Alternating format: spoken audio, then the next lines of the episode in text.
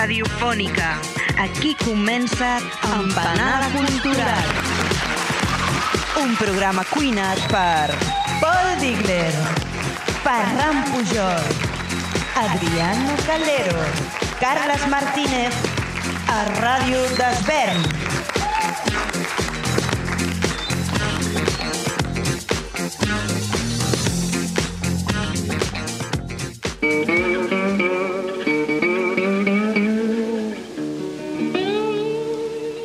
Sonda Voyager 1 va abandonar el nostre sistema solar el 25 d'agost del 2012 i des de llavors és l'objecte humà que més lluny ha estat de la Terra.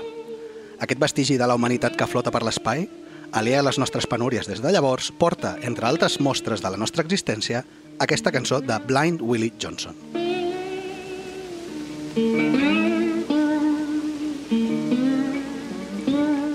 Dark was the night, cold was the ground. És un excel·lent resum de qualsevol moment transcendental aquí a la nostra Gaia original. Una mena de panegíric paradigmàtic que tant descriu les nostres pitjors desgràcies com permet projectar les nostres millors esperances. Fosca era la nit, fred estava al terra, i la nit vam il·luminar i el terra escalfar, podríem afegir si ens ho proposéssim. La història de la humanitat sembla tossuda en tractar de resiliència i perseverància. O també podríem no afegir res, com si fossin les últimes notes del diari de bitàcora d'una raça agonitzant. Fosca era la nit i fred estava al terra. I després, el silenci. A saber quan trobaran els aliens aquest testimoni flotant a la deriva, si és que mai el troben, clar. Però sigui perquè hem acabat fent bona la nostra supervivència i hem conquistat els estels, o perquè hem sucumbit a la foscor i fredor del temps, la cançó seguirà sonant bastant sincera. I, òbviament, tot això ho estem dient en relació al que ja va ser normal aquest 2020, el Covid-2019. Fosc i fred ha sigut l'any, on ens hem vist primer tancats a casa de la mateixa manera que tancats els comerços i les sales de teatre i cinema, i després hem vist l'obligatorietat de la mascareta i el distanciament social, com si d'astronautes low cost es tractés, vigilant protocols i respirant aire, aire prefiltrat. I l'únic testimoni de que la vida cultural existeix, o com a mínim ha existit, ha sigut l'streaming.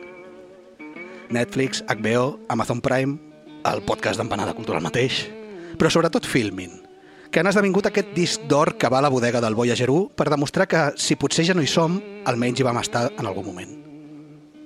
Davant la perspectiva de no poder celebrar els quantiosos festivals de cinema típics de la tardor, s'ha optat per la seva missió online a través d'aquesta última plataforma, Filmin. I és curiós com de la mateixa manera que els que van viure l'arribada de l'home a la Lluna l'any 69 ho van fer i viure des del sofà de casa, 60 anys després som nosaltres els que hem viscut aquesta reinvenció dels festivals des dels nostres menjadors i sales d'estar. Els meus companys sempre se'n foten molt de mi i la meva tendència al binge-watching en posició horitzontal, però igual que el més a prop que es podia estar de les estrelles del 69 era assegut al sofà davant el televisor, sembla que aquest 2020 el que més a prop estarem de la normalitat serà, de nou, el sofà.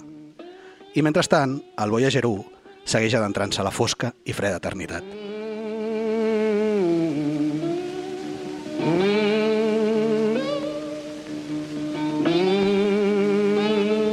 Di que sí, señor, di que sí. Me, me ha gustado mucho tu editorial, pero es que en el fondo estás en deuda con un pedazo de músico, ¿eh? Ah, sí. Me estava al·lucinant La també història, el tema. la història d'aquest home és brutal, perquè és un home que em sembla que el seu padrastre el va deixar sec des de molt petit i llavors té aquesta història de superació. Eh, busqueu-la, busqueu-la perquè és una història bastant impressionant i saber que aquesta cançó representa la humanitat en el disc a mi em genera eh, tristesa i alhora una tranquil·litat brutal. Totalment. És que, tio, què fem, què relaxant. fem enviant aquestes coses als, a l'espai i no enviar el Ferran a l'espai? perquè ho sap tot. Sap de, o sigui, podria il·lustrar a, a No, qui però, fos. però mira com és l'empanada, que sabeu que tu vas portar la pel·lícula del Sorkin, i jo vaig dir, estic Sí. veient a l'ala oeste, on surt aquest... Just esmentaven a l'episodi següent de, esmentaven aquesta cançó, i, que, i vaig dir, ostres, ja tinc editorial pel Ahí programa. está esa mira, empanada que, cómo que hila. nos abandona. Cómo lo hila. Pero realmente, ¿eh? Eh, cambiamos el título de Pandemia Cultural, que hubo una edición, ¿no? Hubo, tenemos el bastantes. gazpacho, tenemos la Ocho empanada. episodios, Pero sí. Yo creo que no lo deberíamos haber dejado, ¿eh? Porque la pandemia está ahí siempre en- ahí. En, muchas editoriales. Però Serà empanada, de però, però, empanada sempre ha estado i estarà, no? Saps qui no ha estat empanada fins ara, que és molt curiós? El- L'Adriano, acabo de veure que s'acaba de donar like a, a empanada a Facebook. Sí, Para que veáis, no, para que veáis mi nivel en las redes sociales, ¿eh? La- lo social lo llevo muy bien, pero no las redes. ¿Mm? Doncs Vamos a... avui tenim un especial, no? Tenim una mena d'especial que ja vam fer l'any passat i es repeteix aquest any amb condicions diferents, però bueno, Totalment. Anem, a, anem a veure, anem al menú del dia i ho fem molt ràpid. Vamos.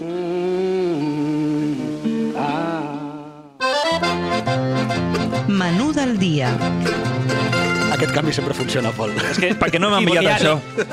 Un dia hem de fer un programa amb, amb un top 10 de les cançons que hauríem enviat en comptes d'aquell melodrama Si que ens ha plantejat el Ferran. Tu quina enviaries, per exemple? Hòstia, yo Staying Alive, tío, yo creo, o algo así, de, dels vigis. ¿Te das, ¿Tú, te das Adri? cuenta de- de- del, del peso que genera, del dramatismo que ha generado esa música? Yo estaba convencido de que estaba en otro programa. Digo, ah, vale, que vamos de profundos hoy, ¿no? no ah, vale, Vinga, vale. anem- anem a explicar. Pero Séptimo vicio. diversión, va. Anem a, explicar, anem a explicar què farem avui, Pues Pol. mira, en realitat repetim el programa de l'any passat, Sí. però en versió virtual. Però la inversa, la inversa. Exacte, la És un inversa. programa invertido. Sí. La història se repite. La història se repite al revés. O sigui, jo començo parlant del Terror Molins i uh, exclusivament? Eh, eh. a la seva versió online d'aquest any. Hostia, pero ahora no Porque sé Terror Molins se ha terminado. Ya, pero me han sacado el, el- la intro.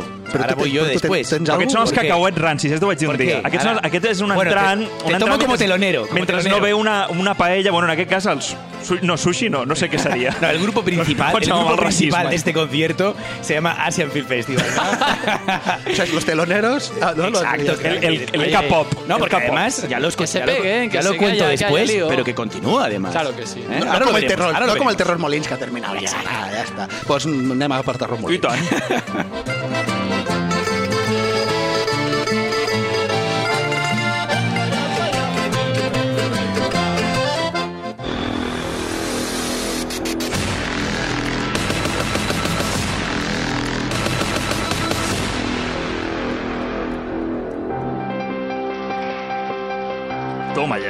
Uh, Terror Molins, bueno, hem dit, uh, aquest any, primer any de la història, de la seva història, que porta molts anys, uh, 100% online. 100% online. Inicialment sí que van vendre les entrades, de fet jo vaig comprar i es van acabar molt ràpidament.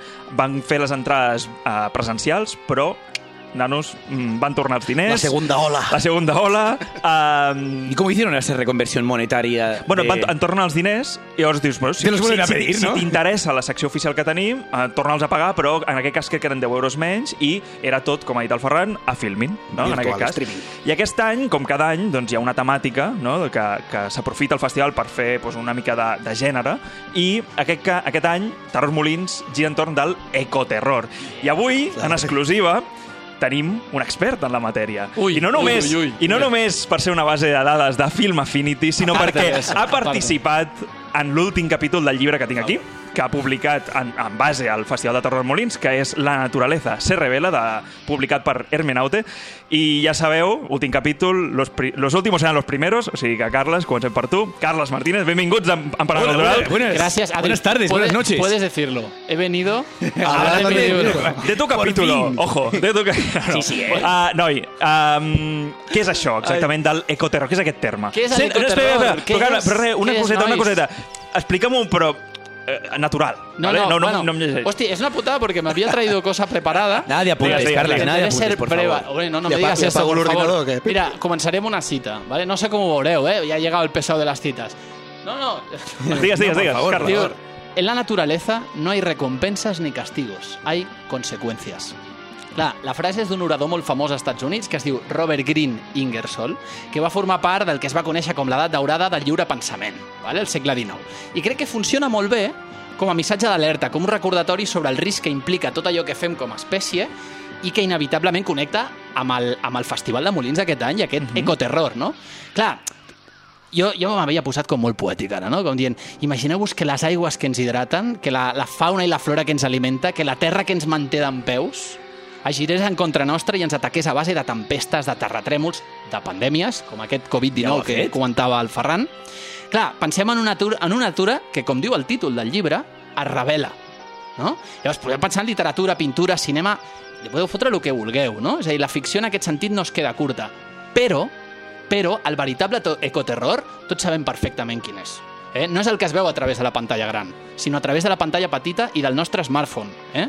És a dir, una naturalesa que es revela, que té conseqüències, com diu la cita, per parlar d'actualitat, una natura que veiem als reportatges, com el tsunami de Fukushima, com els incendis d'Austràlia, com les inundacions del Katrina i com la Covid-19 que estàvem comentant. que pasa, Carla, es que cuando la, la naturaleza se revela, lo, lo- lo problemático es que suele afectar a las clases más desfavorecidas. Totalmente. ¿Sabes? A la hora de la verdad es, es- es evidente que estamos invirtiendo en una naturaleza que a futuro se revele.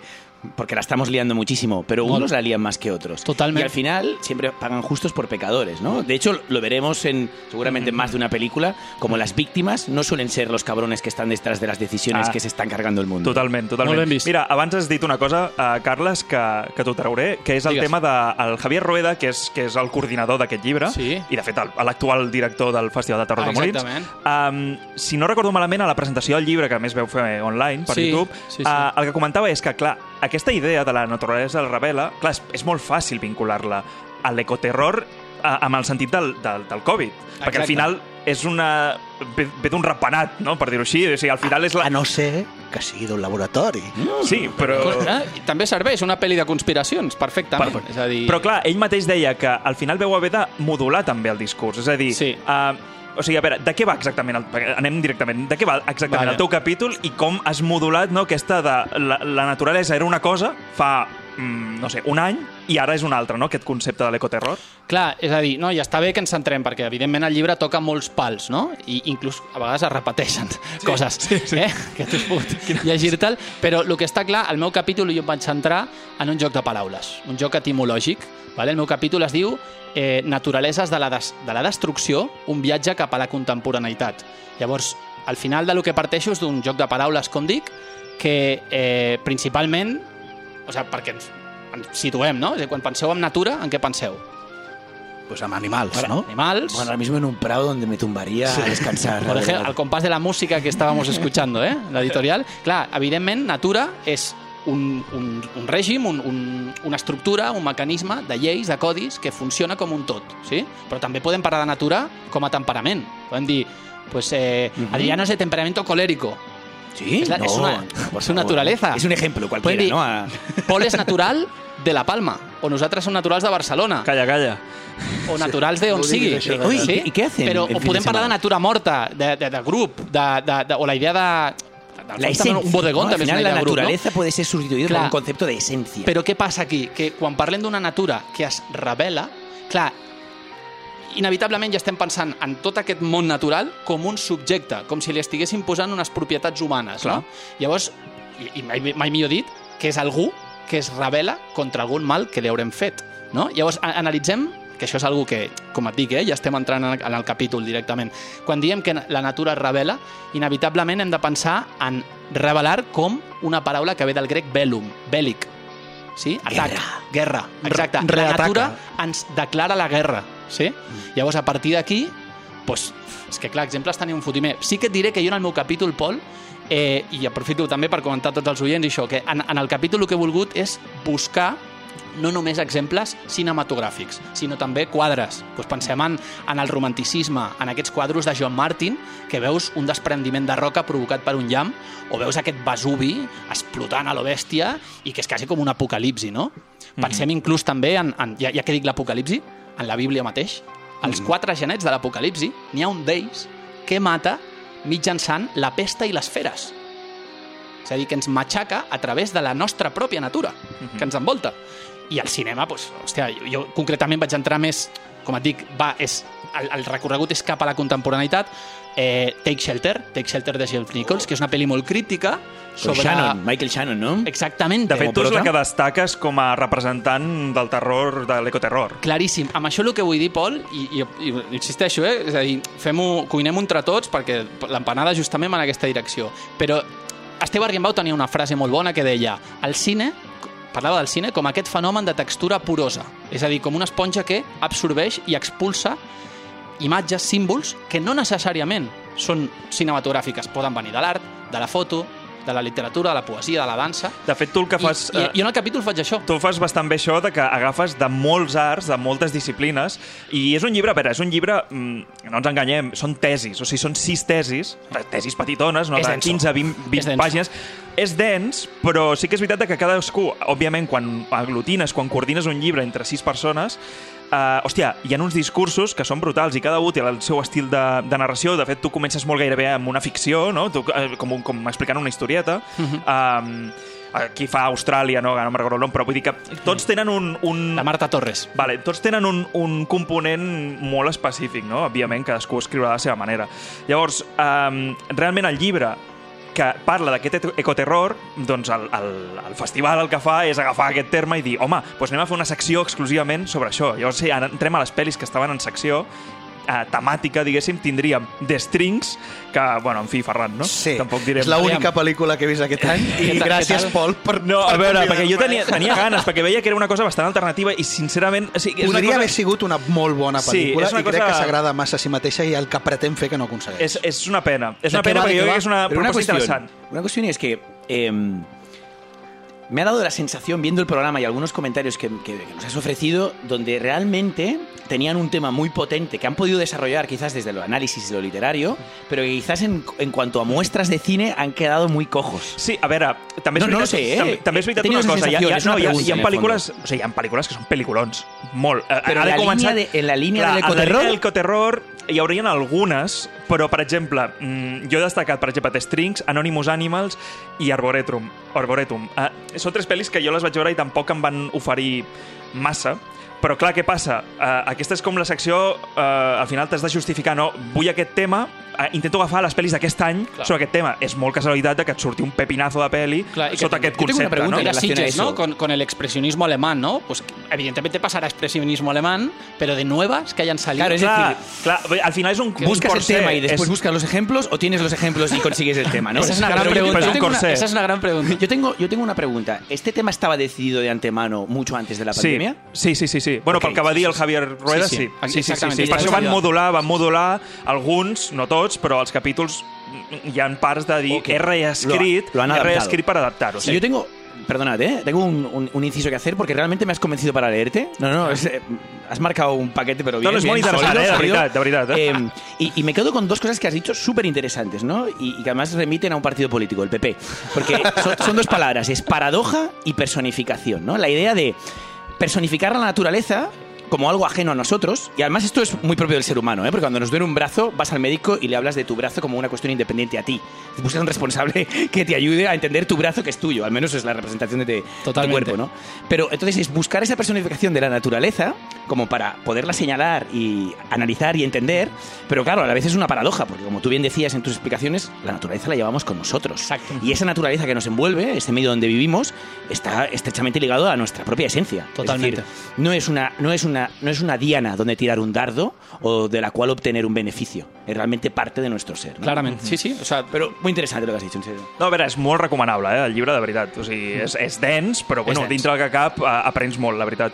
I, que, I després, això que estàvem dient del corsé aquest, no, de que bueno, hi ha pel·lícules que són les temàtiques, no, que, que, que estaven en una secció paral·lela, diguéssim, a part, i després hi ha aquestes antigues que també hem posat, diguéssim, els grans clàssics de Sí. l'ecoterror, que podria ser Los pájaros de Hitchcock, Per exemple. L'última hora, que la vaig veure l'altre dia i molt... De Peter Weir, No l'havia vist, molt bona, flipant. eh? Anticristo, Oh, de Lars von Trier, i Telma, que és una pel·li molt més uh, actual, no, per dir-ho així. va passar Sitges. I, I, de fet, la Patricia Clapés, bueno, la Pati, ja la coneixem aquí com a Pati, no? ha fet un capítol que és Visiones paganas esotéricas y psicoanalíticas de la venganza telúrica.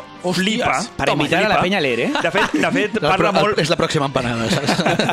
Parla, ja. parla molt de, justament d'aquesta pel·lícula com a detonant gairebé, que és Los pájaros de Hitchcock, o inclús també entra bastant en l'art també, Carles, que és com el grito de Munch, no? Aquesta, Sí. aquest crit cap a la naturalesa i tot això, no? Sí, ha donat aquest toc interdisciplinar també. Sí, la llavors el que em, em va semblar interessant és bueno, parlar amb ella, que ens enviés un àudio i que ens expliqués exactament per què aquest tema, no? un tema així de dens i com ho va gestionar també amb el Javier Rueda.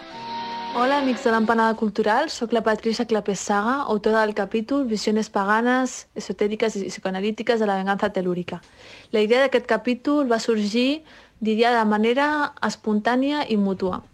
Espontània perquè sempre m'he interessat per, pels temes de la bruixeria, el paganisme, i sobretot des de que treballo per festivals de terror com Terror Molins i Sitges, i també pel psicoanàlisis, perquè vaig tenir que, que parlar sobre teoria psicoanalítica sobre el melodrama eh, en la meva tesina de màster.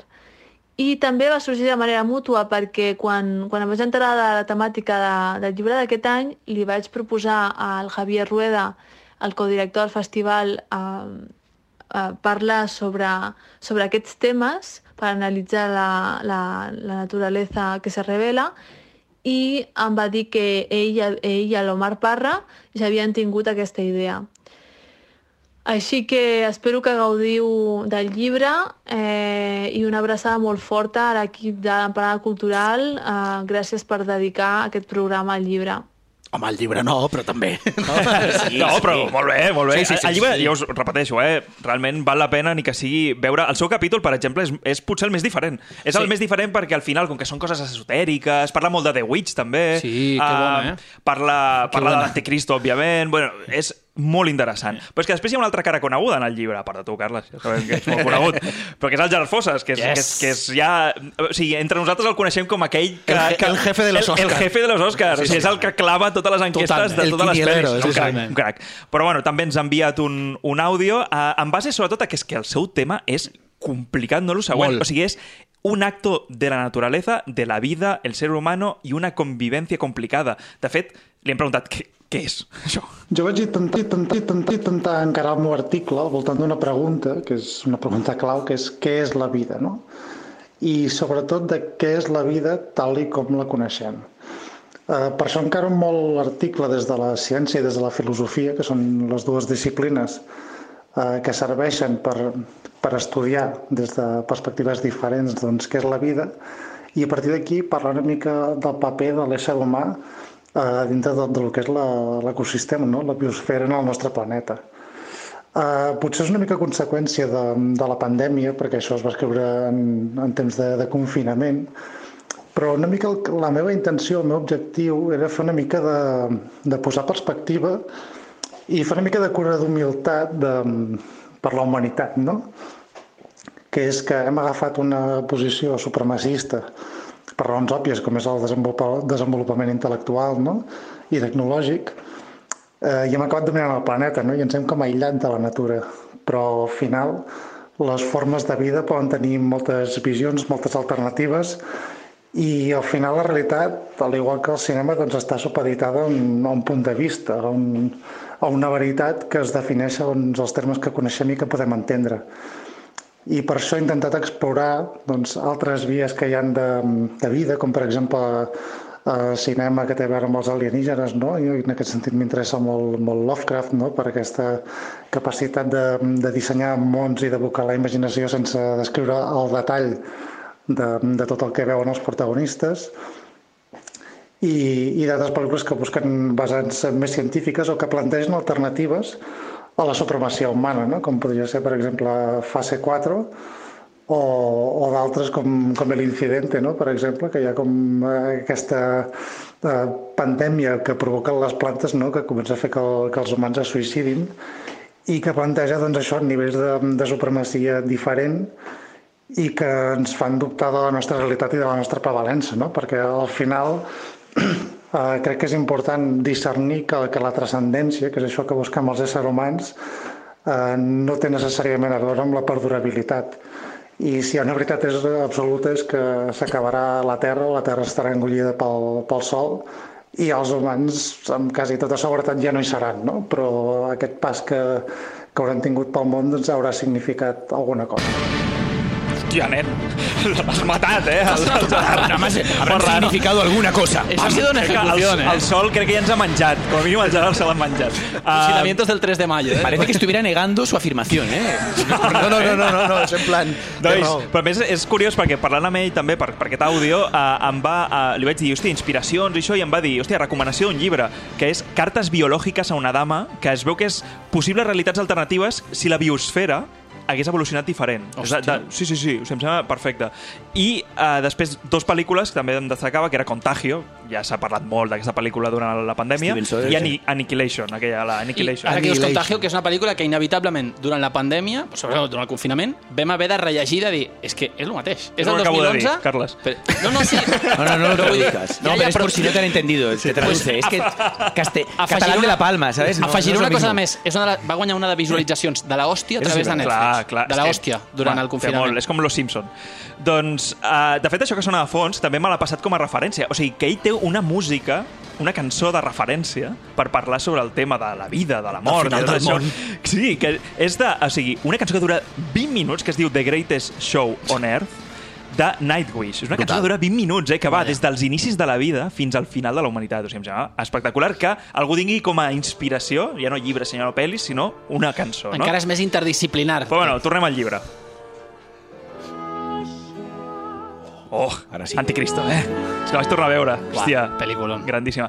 Bueno, nois, hem parlat de que tenim en aquest llibre a, a grans persones, grans coneguts com, com tu, Carles, com la Pati, com el Gerard, Per a Javier Rueda... Hermenaute, si tem Hermenaute, l'editorial Ja també... també ho he dit al principi? Carles. Hòstia, Gràcies. no, avui no és el Avui dia, no és eh? el teu dia. Um, també tenim a Javier Rueda, que el coneixem no només per president total de, ara mateix de, de Terror Molins, sinó també del Zoom Zaig, com es deia? Ja, Adriano? Zoom Zaig, Zoom Zaig. Està per allà. escenario. Abet, Abet Productions. Uh, tenim l'Àlex Gorina, no?, que fa també el, Yes. uh, el pròleg, no? I, I després, bueno, a part de que la, la, la, la primera pàgina està firmada per un tal doctor Gombossi per aquí, uh, que és un altre gran conegut, um, hi ha un inici de frase, o sigui, abans de llegir qualsevol persona, eh, hi ha una frase que salta i diu així El título del film Los pájaros podría haber sido Pájaros del mundo, uníos. Una mica como això dels Vengadores, ¿eh, Ferran? Um, en esta interpretación, los pájaros funcionan como una condensación de la naturaleza explotada que, finalmente, se revela contra la explotación atolondrada del hombre. I això qui ho diu?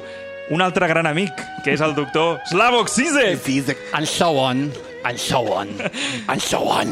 Què ens pot dir? Què ens pot dir de la seva participació al llibre? I li havien avisat o no ho sabia? Estimats i estimades amics de l'empanada Calterral, senyor Porcol, és que per mi és un plaer tornar sempre a aquest programa. Sobretot si hem de parlar d'una qüestió de tanta actualitat com és el ecoterror. Eh? Un detall que volia puntualitzar sobre el llibre, i és que Extinction, ojo, eh? Ojo amb ells. Extinction Rebellion, que és la organització que fa tota una sèrie d'iniciatives avui en dia.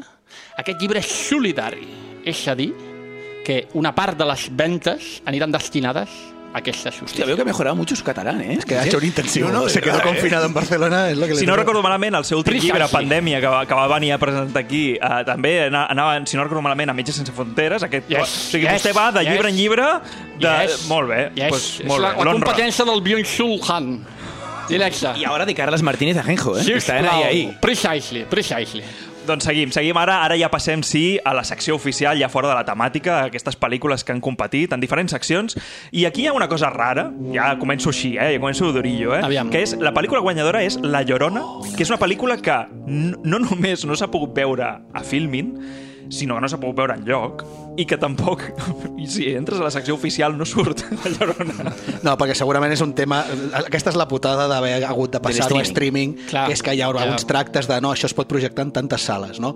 Però sales físiques. I Sí, però em sembla no. estrany vulguis o no, eh? Vull dir, eh, em sembla estrany que no estigui ni en, ni en secció... ofi- O sigui, no, tu, Ja, la que llista... pagant-la, has d'entrar... no? O Sí. sigui, si entres a Google i busques La Llorona, Terror Molins, et surt. Bueno, de alguna manera deberían hacer lo mismo que han hecho con la temática, que es releerla. Es decir, si tú de repente te ves obligada a hacer una serie de proyecciones y las haces exclusivamente online, Pues ya no va a ganar eh, esta. en este caso, La Llorona, desgraciadamente, porque si no, realmente hay una fractura entre el público y el jurado brutal. Siempre la ha habido. El abismo entre público y jurado es evidente porque siempre que Sí, ves si encima el és una gran premio del que solo ha público... visto. Exacto. Si és una pel·li Sí. que només ha vist el jurat... Eh, no, es que esto Sí. Un festival para el jurado. I a més, Sí. no, és No, l'única, eh? no és l'única que no s'ha pogut veure. Clar, hi ha, hi ha una altra que és The Reckoning, que tampoc s'ha pogut veure i també... Ara no la tinc aquí apuntada, però també es van dur algun premi, no sé si, no sé, vés a saber, sí, sí. muntatge potser, jo què sé. Després hi ha una altra pel·lícula que és The Night, que aquí sí que tu l'has vist, no, Adriano? Que aquests s'han dut a millor director i millor actor i millor guió. Toma que ja. jo, sincerament, uh, no, és una pel·lícula més. Vale. Uh, no, no, eh, després, no patiu, eh? Els que ens estigueu escoltant a Torres Molins, que després anem a més, eh? No, no, que es una però, mierda. però, però The Night sí que és veritat de que, de que inclús tu quan la veus dius hòstia, este té un rotllo molt resplendor però alhora dius, té un rotllo molt resplendor. Massa. Però en el sentit de aquella, aquella fina línia del Tarantino, no? Entre la, entre l'homenatge i la còpia, no? Llavors, o sigui, eh, jo he fet una numeració de coses que anava veient eh, durant la peli. Um, un hotel així com encantat, nens que es personen a passadissos d'hotel, no? com els taquirots, a més aquells, aquells passadissos que són infinits, no? Um, mare, pare, un fill, en aquest cas és un, una filla bebè, vull dir, no és tant com, com Dani, no? Uh, home negre que, que sembla saber alguna més, no? Uh, al·lucinacions que els fan tornar bojos. És que hi ha, hi ha molt... hablan, inclús hi ha un moment... persa, ¿eh? Adriano, o sea, hi ha un negro que has moment... dicho hablan persa. Hi ha... Le hablan persa, Però claro... és que a més hi ha un moment Es de iraní. que hi ha aquesta escena que és que és de banyera de susto de banyera, Ostres, també. O sigui, ara m'ha vingut al cap. Hi ha un laberint Bueno, o què? jo he de dir- és que, és que Bueno, ja, joder, a- actua com a laberint. De fet, in, in, inclús mi aquest diré, Carles, que, tu, que, que tu bueno, segur que l'has vist, em recorda el curtmetratge de La culpa. Oh, que aquell, bo. aquell moment de que l'edifici... És el director de No mataràs. Exacte. El, el, el, el, Vi- Villori, David Victori, això, exacte. Uh, um, Sí. Que la culpa, al final, és, el, el propi edifici es transforma en una metàfora de la culpa, no? Exactament. Tot cíclic. I, això, i llavors aquest, aquest, aquesta pel·lícula, jo crec que juga a moltes cartes que ja hem vist sempre. Sí que és veritat, potser per la procedència de la pel·lícula, um, que a més és, sí que és iraní, coproducció amb Estats Units, però Vale. iraní. I, I és, hosti, és una pel·li d'aquestes que, bueno, potser agradarà, perquè al final jo crec que l'atenció te la manté, això, però res que no haguem vist, jo crec que... No, para nada. Yo, de hecho, sufrí un poco de titulitis, o sea, en plan, de, de premitis, ¿no? Sería en este caso. de, bueno, a ver, ¿qué me puedo ver de- del festival? Y se supone que los premios pueden ser referenciales. Pues Hostia, acumulando tres, mejor director, actor y guion, y sobre todo el tema del guion, ¿no? Me llamaba la atención y considero Sí, sí. que es posiblemente la- o sea, el error más, más grande que he visto en premios de guion. Realmente, a nivel de guion es malísimo. Se le puede atribuir cierta gracia en la dirección, eso se puede, se puede llegar a entender. Pero sí que tengo la sensación en todo momento de estar viendo una película que puede estimular y agradar a aquellos que están expectantes de jueguecitos, de sonido, visuales, pero a nivel narrativo, o sea, la narración visual va en una línea y después la narración argumental está totalmente difusa. Y es cierto lo que tú dices, que, que parte de, de esa idea del resplandor, pero claro, hostia, esto es como Gus Van Sant intentando ser Hitchcock. Psicosis. Eh, Ah, sí. Y no es ese, no es, por suerte no es eso, Y ¿eh? no es una copia literal. Ahí aún porque la idea era esa, era hacer una copia, pero en ese caso creo que no era hacer una copia. Pero, y, y solo para aportar algo que a lo que tú decías, ¿no? Sí que es cierto que es una peli gringa, Vale. pero claro, es dirección iraní, Sí, sí. elenco iraní, todo sucede en Estados Unidos, ¿no? Representa que son esos iraníes que están bien. Me la podría haber llevado a mi, a mi, a mi sección, a la del Festival de Asia, Pero pero, realmente no. Tiene cero esto. esencia Sí. asiática en el Ya. fondo. Que los personajes Sí. sean iraníes Sí, no define una to cultura. Té un to molt americà, Sí, però que es queda... Jo crec que es queda a mig camí, eh? a mig gas. Després hi ha una altra de les pel·lícules que aquesta potser ha agradat més, que és a millor fotografia, que és My Heart Can't Beat Until You Tell It To. Hostia, esta compite con el título de, de Patty, ¿eh? Esos son, deben ser amigos, ¿no? Aquesta es va veure a Sitges, potser? Aquest, hòstia, doncs no Sí, ho sé. sí, Sí, oi? esta es Sí, una sí, película que se vio en. Sitges Sí. y que ganó Novas Visions, película y dirección. Sí, bueno, a veure, a mi, sincerament, aquesta Sitges, jo la eh? recomano. Aquest, o sigui, Jo és també. una d'aquestes pel·lis lentes, uh, d'autor, Sí. així, per dir-ho així, però uh, que, té, que té com una essència. O sigui, té, realment té alguna És una pel·li, jo crec que té personalitat. I a més la fotografia està, està bastant xula. Però bueno, anem a la... A la digue, digues. Una puntualización sobre esa peli, porque recuerdo que cuando la comentaste Sí. hiciste un comentario que me parece muy boyero, ¿no? bueno, ya, los que quieran saber quién es boyero que lo busquen, ¿no? Mejor que no lo conozcan. Pero el rollo es que tú dijiste, muy bien, muy bien, pero no me he emocionado. Y pensé, hostia, qué boyero. Pero después yo he visto esta película y sí que es cierto lo que tú dices, que es una película bastante impecable en cuanto a factura, interpretación, iluminación, es decir, muy bien hecha, muy bien parida. Entiendes que siendo una ópera prima haya, haya empezado primero arrasando en Sitges y después al menos se lleve foto en, en Molins, pero sí que es cierto que le falta como algo. Sí. Es, le falta alma, le falta esencia. No sé si es por la manera en la que te introducen el mundo vampírico, que ya está creado, y nos meten un drama que avanza sin, sin habernos preparado para él, sin habernos eh, hecho empatizar con esa familia, ¿no? Pero no, no descubro más, simplemente Sí, ese matiz. de fet, la, la sorpresa millor no revelar-la, no? El ta- Està clar que té un flirteig amb el gènere, que està My Hair Can Beat Unless You Tell It To. Sí, sí. que, però, però sí que és veritat el que dius, Adri, que, que és una pel·li que, hosti, eh, té molt potencial, però al final et quedes com, bueno... No me ha emocionado. En fin, en te- Hi ha una que s'assembla molt, s'assembla molt, vull dir, la, ton- la tonalitat i això del Terror Molins, que està en una altra secció, que és la de Being Different, Sí. que, de fet, de Being Different s'endú a millor pel·li, millor actor i millor guió, que és Resin.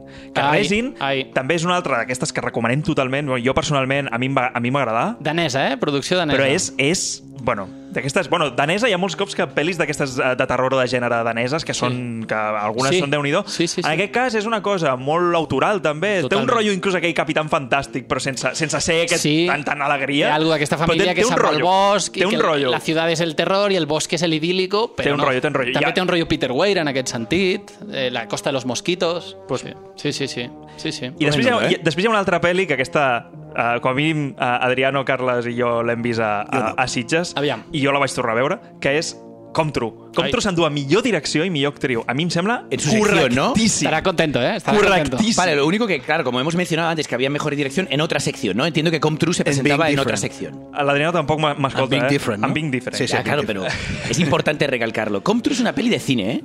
Yo no sé si ha funcionado en filming, pero es claramente Ah, una peli bueno. de sala de, Però, sala de hòstia, proyección sí, com comercial. Clarament, sí, com sí. no hem de dir res, l'únic és... Eh, primer que s'ha de veure, però per mi és una experiència total, aquesta pel·lícula, so, com, a, com tracta el, el, el tema dels somnis, que és una cosa, crec que és molt complicada, i, i hòstia, a mi em sembla la, la prota, però, bueno, A més, a aquí, mi em sí sembla que, brutal. aquí podem empaquetar, eh, Pol? La de My, Hair Can Beat, que té aquest punt de cuidar o no reveli res, que és un joc amb el gènere. Sí. Eh, la que dius ara de Com True també és un joc amb el gènere. Estan empaquetadetes i Resin l'empaquetem amb lo de la natura se revela. Sí, Resin jo crec sí. que sí que té Resin del sí que tema té d'aquest any bastant, de Molins. té bastant de tema, bastant de tema. I després ja hi ha una altra secció, que és com la més macarrilla, que és la True Survivor, que hi ha una menció especial, una pel·li que et vaig comentar, Carles, que em va flipar Aviam. per, la, per, per lo macarrada que és entre col·legues Sí? amb mallorquins, crec que són, o menorquins, però crec que és de Mallorca, que és Justici de Carreró.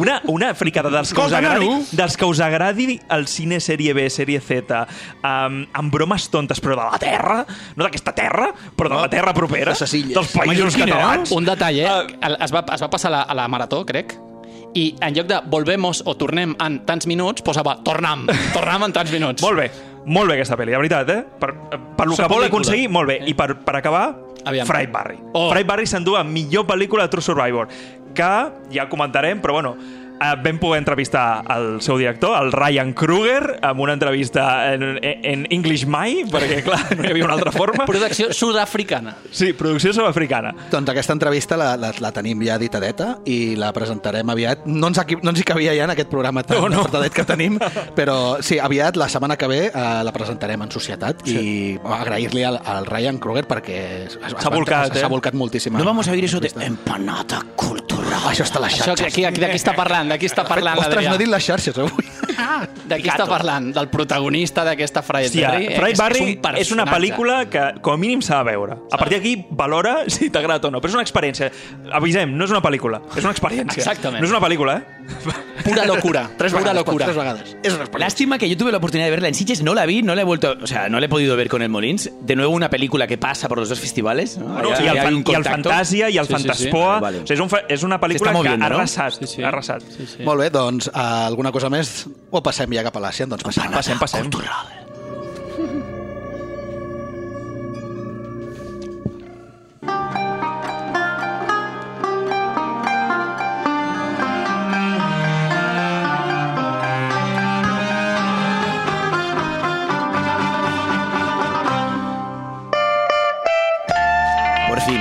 Ferran, me la jugaste, me la jugaste. Esta es la segunda vez que voy a hablar del ASEAN. Yo ya no te la sabemos jugué, te la que los jugaste tú festivales solo. se estiran como chicles, Vaya ¿no? pedazo de banda Pero sonora. joder, hostia, tenía que sonar cuando de Dark Man. ¿eh? Aquí pudimos hablar de dos películas que son dos maravillas. De hecho, sí, me duele ahora venir ah, de nuevo con el ASEAN y no poder aportar ejemplos tan- a però- ese nivel. Però de, deriva la gent a escoltar el programa anterior sí, i exacto, la por junteu amb, favor. aqu amb aquesta. Una maravilla. plau. Darmen, Kazaja, película de Kazajstán, y Boya en sí, producción, en el fondo, a medio camino, ¿no? Entre Tailandia. Y Australia, está ahí, está ahí, está ahí, sí, sí. Entonces, pero Centrémonos, ¿eh? Centrémonos. vamos. Porque seguimos con la empanada y en concreto con el Asian Film Fest de este año, que a diferencia del Terror Molins, ¿eh, se estira mucho más en el tiempo. No renuncia a sus proyecciones en modo presencial, porque... Ah, pues que en Asia ya el lo han pasado No, esto. no, el festival... Esto ya vienen el de vuelta de- del COVID. El festival de Asia es como la pandemia. No, no, que no acaba, que no acaba. Y si para ello el festival tiene que durar más de un mes, pues adelante. Y además, yo, Vamos. yo por mi parte contento. Pensad Yo que el también. Asian pudo llegar a proyectar un par de pelis, esto no sé si lo sabíais, Sí, sí, sí, pero llegó a proyectar un par de pelis de manera presencial en octubre, antes de los cierres. Estoy hablando de la última peli de Kawase. Que ha, ha dejado bastante que desear, True gustado. Mothers y The Orphanage, el orfanato, que fue la Esta inauguración y enseguida voy a hablar de ella. ¿eh? Nada tiene que ver con la de, Ah, vale, con vale. la de Bayona. No, no, es el orfanato versión afgana. Y así, con estas dos pelis, el festival pudo enseñar la patita durante los cierres. Ya comentamos aquí, seguimos comentando que se mantuvieron en filming. Oye, y de unido, solo con esa programación ya daría para, no, no para llenar la sección, sino para llenar Un dos año- un programas. año de Asia. exacto, exacto. Y ahora, justo hace una semana, han vuelto con proyecciones en la Filmo, de la cineasta Kiyuko Tanaka, que tú has podido ver. Tanaka, Nos exacto. hablarás de ella un Os poquitito. hablaré. Genial. Y eh, también en el Instituto Francés, por esa idea de las coproducciones de la antigua Indochina, ¿no? Pero a partir de mañana, Sí. más cine asiático, y ahora sí ya de manera presencial, Filming se acaba en los cines Girona y en esa pequeña joya del Baix Llobregat, ¿eh? ese, Ah, el cine Baix, nostre para los oyentes de Desvern, esos fieles oyentes que no nos abandonan, ¿eh? La radio sí, pero los oyentes no. Cinèfils de Sant Feliu. Arreu. Al cine baix. Cine no. Así que yo creo que no nos podemos quejar. El gobierno lo ha intentado evitar, es evidente, pero este festival no nos puede dar más opciones para disfrutar y analizar la diversidad asiática. Exacto. Mm, Vámonos con la melodía del, del propio festival. Y dicho todo esto, vamos al inicio, a lo que comentaba, a la inauguración, al drama, a The Orphanage. La película que inauguró el festival asiático, concretamente el 28 de octubre, pero que ya había pasado por la quincena de realizadores. Ah. Estoy hablando de Cannes, ¿eh? Y no estoy hablando del 2020, que no se celebró, sino del 2019. Hostia. 2019, cuando todo era posible. ¿no? ¿no? Cuando- Ese cuando- año donde... Donde solíamos gritar. No, el año que solíamos gritar era la canción de los lesbian. Es, es muy gracioso porque de hecho The Orphanage No nos, rival, recuerda, broma. nos recuerda un poco eso, ¿eh? que incluso en el drama más absoluto todo es posible. Pero claro, es una solución un poquito tramposa. ¿Por Porque qué? es una solución a la que yo también recurro, como el prota de The Orphanage, pero he de reconocer que, es, que a veces no es suficiente. Y no, no estoy hablando del erotismo, ¿eh? que eso ya ha quedado atrás, lo siento papá. Hoy no, hoy no, hoy no, hablaremos, de, salgo, hoy no hablaremos de sea. libro, pero... Ese Fernando Calero de la Por Pava. favor, hostia, no mencionasteis Fernando Calero de la Pava. Si es que no me digáis que no tienen ca- empaque. papa. ya cuando lo leéis, ya. Ayer, papa. Bueno, y yo estoy hablando del cine, del cine como escapismo, como vía de escape, ¿eh? y esa imaginación que recrea continuamente ese escapismo. Exacto. Porque así Uy, es uy, como uy. vive Kodrat, el protagonista de Orphanage, ¿eh? un niño de 15 años. No habéis visto la peli, qué lástima, porque tiene un peinado a lo, a lo Puma. ¿Os acordáis del Puma, no? Del cantante. sí, sí, sí, Pues, vale, el cantante, eso, el claro, estamos hablando de una peli contextualizada en el Kabul del año 89. Que más con peinado es un casco. Sí, algo, algo del O sea, estilo. como ¿no? Punky o... No, no, no, Ah. no, no. Esa, esa tofa. Es una esa- tofa esa- sólida. Ah, vale, sólida, vale, al vale. Muy Vale. grande. No, muy grande. Es el típico. Además, no vamos a recuperar todas las etnias de las cuales ya hablamos en, en- No, no. en- cuando nos referíamos a China, ¿no? que normalmente es la yogur. etnia Han. Pero sí, sí, en, en- tanto en Kazajstán como, por ejemplo, en Afganistán, que es el país del que vamos a hablar, Sí. evidentemente hay muchas etnias y, y se nota, ¿no? Porque el rostro, un, bast- un rollo rostro bastante bello del de Kodrat, apela más a esa idea asiática, ¿ah? a esa idea rasgada que no siempre entendemos como el perfil de afgano, ¿no? A ver. Pero, ¿qué hace este Kodrat? Revende entradas. Por un lado, revende entradas. Y entradas de cine que antes Oh. ha disfrutado. Porque se ve claramente, ¿no? Que su vida de una especie de vagabundo huérfano, donde encuentra el refugio, es en la oscuridad de una sala repleta de hombres. Pero simplemente porque los cines los llenaban los hombres en esa época, desgraciadamente. Y allí va a disfrutar de las películas de Bollywood que parece que pegaban muy fuerte. De ahí esta música rítmica que escuchábamos hace nada. Pero la libertad a, a, le dura muy poquito. De hecho, los 10 primeros minutos de la película. Enseguida acaba donde apunta el título de la película, en un orfanato viviendo los últimos días de su juventud. Hay una idea de, del paso a la edad adulta en esta peli.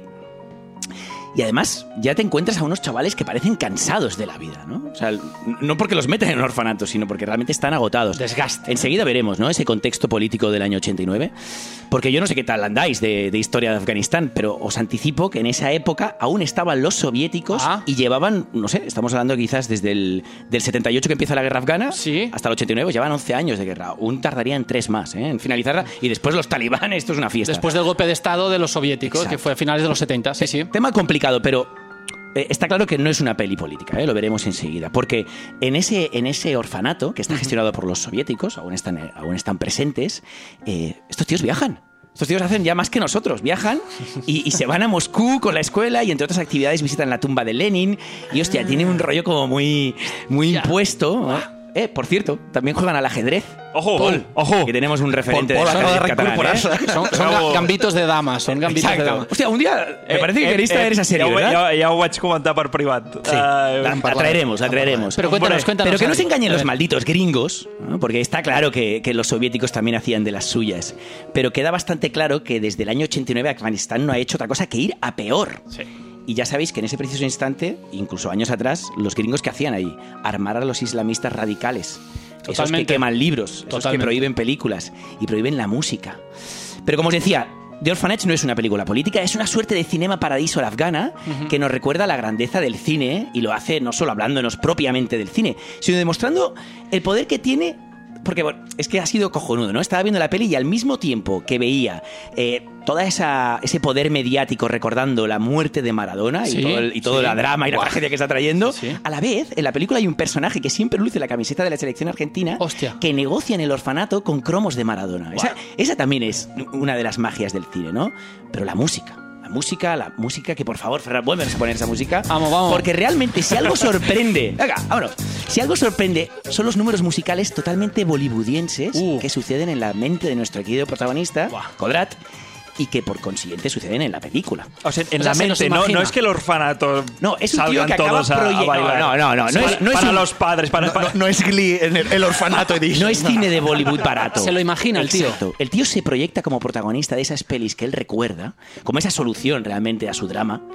Y, y, eh, nos hace partícipes a todos los espectadores, pero es, es ahí donde está esa gracia, ¿no? En esa Eh. combinación de tonos, porque es cierto que esos pequeños momentos, esos suena a sketch, son exagerados a más no poder, tienen un rollo retro medio kitsch que da grimilla, pero el tono es pretendidamente rupturista con el otro tono, con el tono de la película, que juega más a lo documental. Y es ahí, en esas, en esas escenas de Bollywood, donde hay espacio para la vida, para el amor, para la amistad, para la lucha por los ideales. Y eso, joder, eso al final pesa. Es decir, le perdonas, le perdonas lo kitsch por el valor que tienen las imágenes en el metraje principal, que evidentemente, como os he dicho, tienen una pulsión emocional, pero con otro tono y otro desenlace. O sea, ¿es una peli optimista, dirías? ¿De Orphanage? No, No. pero hay, hay- hay muchos críticos que lo han valorado como un error, porque es un drama, porque cada vez, cada vez que nos vamos a Bollywood, eh, lo, lo- lo reviste. Y Ah. claro, acabar con Bollywood, que no quería descubrir mucho, pero acabar con Bollywood es, es tramposo. Vale. Pero este es el rasgo claramente interesante de la película, la combinación de tonos, la ficción por un lado, enfrentada a la crudeza de la realidad, filmada claramente como si fuera un documental, y, y es que es evidente, ¿no? De hecho, me hace gracia porque esto nos remite a la morda Guillem, cuando Hostia. metían imágenes de archivo, Sí. y esas imágenes de archivo re- recreaban o, o sea, o le daban un significado diferente a la ficción, que ya de por sí era dramática, aquí juega un poco la baza contraria, ¿no? Pero era inevitable que esto sucediera en esta película, porque ¿quién está detrás? Está detrás la directora afgana nombre impronunciable, Sharbanu Sadat, quien se inició en la dirección documental gracias a los ateliers de Baran, que van, que son un poco nómadas, pasaron por Kabul ella aprendió evidentemente a gestionar los documentales de una manera magnífica y después con una ficción ganaría en la quincena de realizadores. Y ya sabéis cómo funciona acá, ¿no? Que se queda a... "Eh, tenemos un representante de Afganistán y encima mujer nos la quedamos porque la visión que aporta es muy interesante realmente. En ese año, en el 2016, ganó con otra peli que se llamaba Wolf and Sheep y como describieron en The Hollywood Reporter, era un absorbente híbrido de docudrama etnográfico. Hostia. Es decir, es un, rea- es un retrato para mí de la infancia y de la vida en una aldea de Afganistán rural, que es precisamente donde se ha criado Sadat, la cineasta. O sea, tiene algo de biográfico, ¿eh? Totalmente. Por eso te digo que el juego con lo documental era inevitable. Claro. Y, un, y, un, y un segundo discurso, ¿no? Parte de unos diarios no publicados de un tipo que aparece en esta película, que es Ambar Hashimi, que es un escritor ¿eh? que recuerda toda esa época tan convulsa de Afganistán. En la primera peli no aparecía, en la segunda sí. Es el educador. Es el educador. Pero bueno, yo creo que de Orphanage ya hemos hablado suficiente. Adentrémonos en el documental sin miedo ya, porque en el ASEAN evidentemente también hay cabida para el documental. I molt bons. secas. I molt bons, a més. Eh? Y precisamente analizando la situación previa a los tiempos convulsos. Hay uno que concretamente sirve de... de- es decir, si, si The Orphanage es una peli interesante, Sí. yo creo que resulta mucho mejor cuando entendemos el contexto histórico y el significado. ¿Y cómo lo podemos hacer? Hablando de la guerra afgana y haciéndolo también de la manera en la que afectó al cine, al propiamente, al Totalmente, cine propiamente Adri. dicho. ¿Cómo se llama ese documental que has Pues visto? mira, ahora que lo dices es The Forbidden Reel, ¿eh? és el rollo prohibido, el rollo de cine, ¿eh? un documental prohibit al Quebec, està dirigit per un realitzador debutant que es diu Ariel Nasr, este lo puedo pronunciar más fácilmente que el tuyo, i és la perfecta excusa per posar-nos al dia de la realitat afgana. Aquest sentit complementa a la perfecció tot el que anaves explicant, Adri. El més important és que aquest eh, The Forbidden Reel és la història d'un cinema amenaçat, d'un cinema en perill d'extinció. Per què estic dient això? Posem-nos en situació. Imagineu-vos vale? que els fanàtics pugen al poder, Vox podria servir perfectament, i obliguen al director de la Filmoteca, l'Esteve Riembau, a destruir totes i cada una de les pel·lícules que hi ha a la ¿Esto cuando Filmoteca. sucede, Carlas? Imagínatelo, es como el niño de la peli que has dicho que se imagina ese boli. son los 90 o así, ¿no? Ya verás. O sea, tú imagínatelo, ¿eh? O sea, director de la Filmoteca, le dicen, tío, te tienes que cargar todas las pelis que hay en la Filmo, si no te ejecutamos. Clar, això és el que va passar exactament, esos 90s, eh?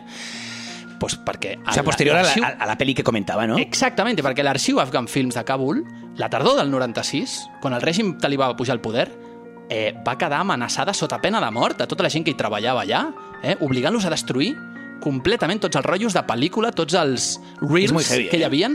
havia, eh, eh, ja que consideraven que el cinema era un art herètic i anti-islàmic.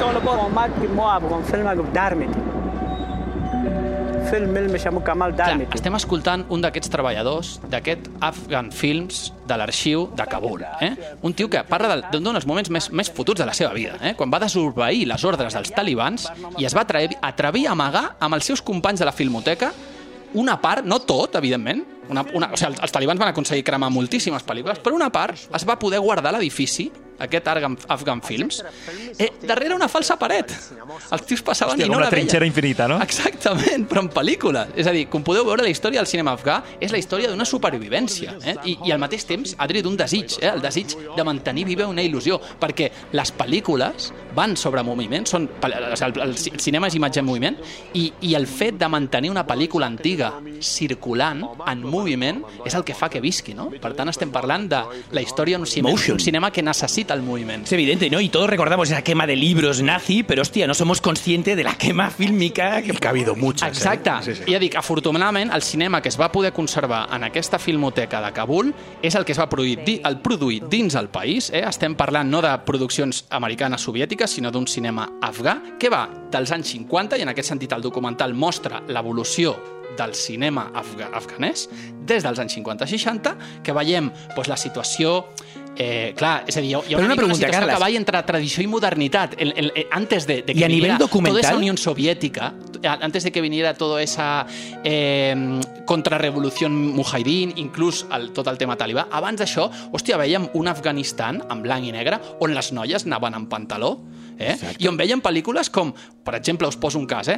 Talabgar, no? Que és una pel·lícula del Conegudíssima. 69.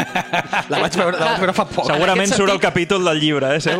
Però què és el bo? Que, hòstia, és un cinema que no es coneix. És a dir, aquest No, és una- documental li és està que de donant, hecho es- obrint la porta a un cinema que no es coneix Ya no i es que un s'ha vist cine, molt poc. ya no es un cine que no se conozca, es una realidad afgana que no se conoce. Es decir, es inevitable pensar en Afganistán y pensar en talibanes actualmente. Y ha vivido muchas realidades Afganistán en la segunda mitad del siglo XX. Muchas, es decir, ahora Pero a que lo nivel dices, documental, esto- a mí Sí, me interesa dime, mucho dime, saber. Es dime, decir, entiendo que las imágenes que nos pueda ofrecer ese cine, ese cine que nos remite al pasado de Afganistán, Sí. un, un pasado desconocido, Sí. tiene que ser brutal. A nivel de la gestión del metraje, Sí. lo digo porque La gestión del metraje. ¿Pero qué te refieres exactamente con la gestión del metraje? Tú me comentabas como el metraje es muy potente ya de por sí, es decir, plantear, plantarte delante de esas imágenes ya es, es genial. sí. Pero me hablabas de una gestión del metraje no del todo acertada. Bueno, clar, és a dir, eh, el, la realitat és tan bèstia que la labor del director, del Nar, Nar, Ariel Nasr, clar, es queda curta en tant que és que és heavy la realitat que explica. No hi ha un treball, decía Sergi Sánchez, ¿no? crítico de cine, dice, hay que saber escuchar a las personas que entrevistamos. Entonces, el buen, el buen documental es el documental que sabe escuchar y sabe escuchar a través de las imágenes. ¿no? En aquest cas no et diria és el gran documental de Asif Kapadia, lo que... no, no, però, insisto, és un muy buen complemento a todo lo que estabas Sí, comentando eh, en este Asia al Film Es gracioso porque ya lo hemos dicho al principio, ¿no? Realmente, eh, bueno, en off, que, que aquí fu- funcionamos como fusio tú y yo, ¿no? Es decir, hemos visto una ficción y un, y un documental que realmente se complementan. Pasa que hablábamos de... Solo de- una de cosa idea- quería añadir, ¿eh? Dime. Solo una cosita, que es eh, la imagen, para mí, que resume ese documental, que es la de los guerrilleros mujahidines en las montañas de Afganistán y que está gravat com si fos un western. De que se'n van allà Ahí te a pusiste gravar la contrarrevolució. És brutal, és una, és una bestialitat, lo Jo, ves? jo el western que estic veient són les mirades que t'està llançant, el joc de mirades al Ferran de, del temps que estàs gastant. De Forbidden Reel, un imprescindible. No, y yo, y yo creo que sí, estoy, estoy convencido, porque de hecho estaba en la lista, ¿eh? pero es demasiado cine. Hay más documentales, de hecho...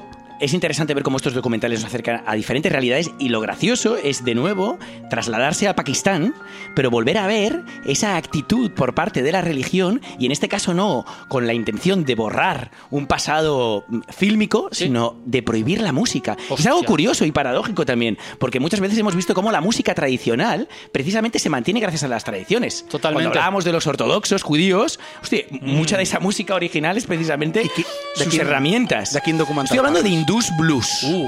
Está sonando ahora. Es una y tiene ese, pasada. no, no, y tiene ese punto de blues. O sea, es decir, si tú has visto western Negro, de blues en las negro. montañas de Afganistán, entre los defensores de la yihad, yo aquí te Mira, hablo de, de blues, de rhythm and blues casi. De negro, ahí de urbanita, Pero de en noche. Pakistán. Tiene ese punto folk. Al final es el folclore, ¿no? Qué De- maravilla, De, qué esa maravilla. zona. Y lo que comentaba, ¿no? Es, es ver cómo la tradición en este caso se da de hostias con la, con la religión.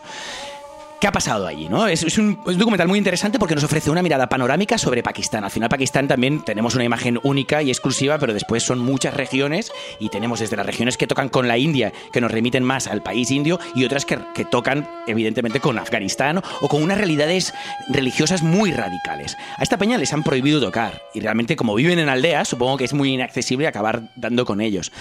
El documental hace todo un, un seguimiento de instrumentos, desde la tabla, el sitar, bailes como el katak que remiten a India, el sarangi. O sea, hay una serie de instrumentos que, son de una artesanía alucinante y que estos señores sigan defendiendo la música y la creación de estos instrumentos me parece fundamental. ¿no? Totalmente. Entonces, de nuevo lo mismo, ¿no? Es como, hablamos de Asia y Asia en sí es muy plural, hay muchísimas Asia, pero ahora hablaríamos de Pakistán y de la música tradicional pakistaní y también hablaríamos de muchas realidades. Algo muy interesante del documental, para ir rápido y poder llegar a otro documental muy interesante que es...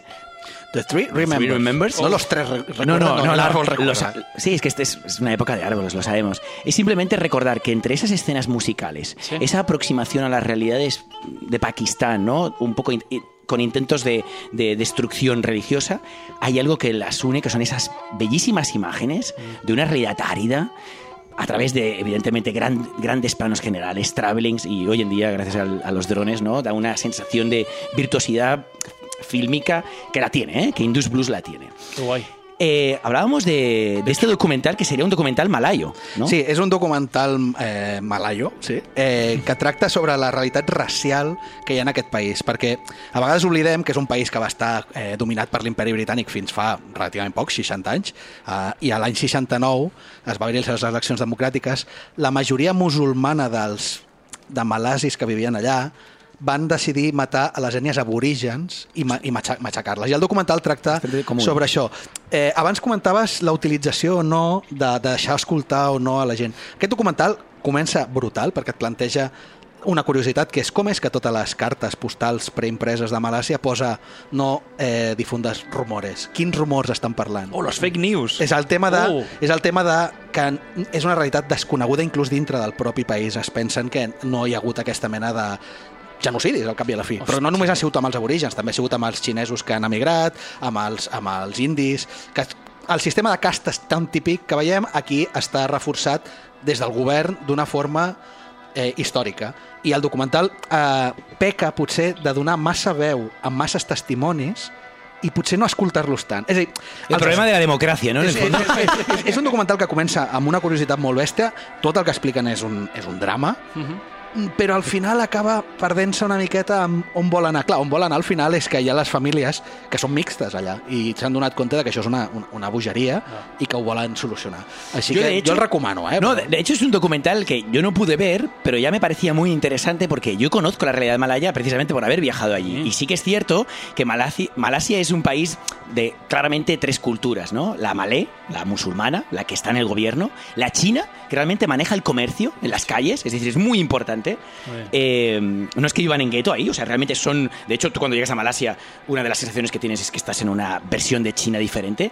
Y la India, que para aquellos que quieran disfrutar de una India limpia y más accesible, a mí me encanta la India tal como es, pero sí que es cierto que en Malasia tienes una India como eh, una India occidental. Mucho más Arregladita, ¿no? Sí, exacto, muy arregladita. nada de Rajasthan, Y estas tres realidades eh, conviven en apariencia de una manera m- no, muy plácida, pero cuando tratas con gente china, eh, te acaban explicando que no, no, que están totalmente marginados en su propia sociedad, que ni siquiera pueden acceder a ayudas a nivel universitario o a nivel comercial, cuando ellos son muy importantes para la economía. ¿no? Entonces, de nuevo vemos como muchas veces el racismo es una cuestión mm, entre países o entre realidades raciales, pero muchas veces hay una idea de racismo intrínseco en la propia nación. Y esto es algo que, que se vive en Malasia. Después hablabas también de la idea del aborigen, ¿no? De eliminar el aborigen. De hecho, las castas surgen por eso. Esto nos permitiría hablar, y con esto acabaríamos, de una película india. Y me gustaría volver a la ficción para acabar. Es una película india que también maneja el concepto del árbol y de la naturaleza, ¿no? pero en este caso como, como reducto de paz. Mira cómo hilamos y terminamos ese Genial, programa, ¿eh? Tris Under the Sun, ¿no? O Tris Under Sun. Jo la vaig veure i és una pel·lícula I és una pel·lícula que, A de més, nuevo- També faria bastant tàndem amb la que ja vas comentar de Buoyancy. Sí. Perquè parla d'aquesta mena d'esclavisme encobert que hi ha a les societats Bueno, Porque al final esto lo hemos visto en, en Australia, ¿no? Como los australianos, los blancos, se sienten los dueños de, de una realidad que en el fondo es la realidad aborigen, que ellos deberían al menos poder acceder a muchas más eh, placeres de la vida que no los blancos, ¿no? Y esto es algo que la India pasa, pero pasa a modo de castas, ¿no? Y como las castas, no sé si alguna vez habéis podido leer algo en relación a ello, pero realmente la sociedad está dividida en muchas castas y en base a tu casta, como si fuera un gremio o un oficio, tú tienes derechos y accesos a una determinada realidad. Evidentemente el tono de piel juega una baza muy importante y bueno, es evidente que Tris Under the Sun daría para hablar mucho, mucho, mucho más.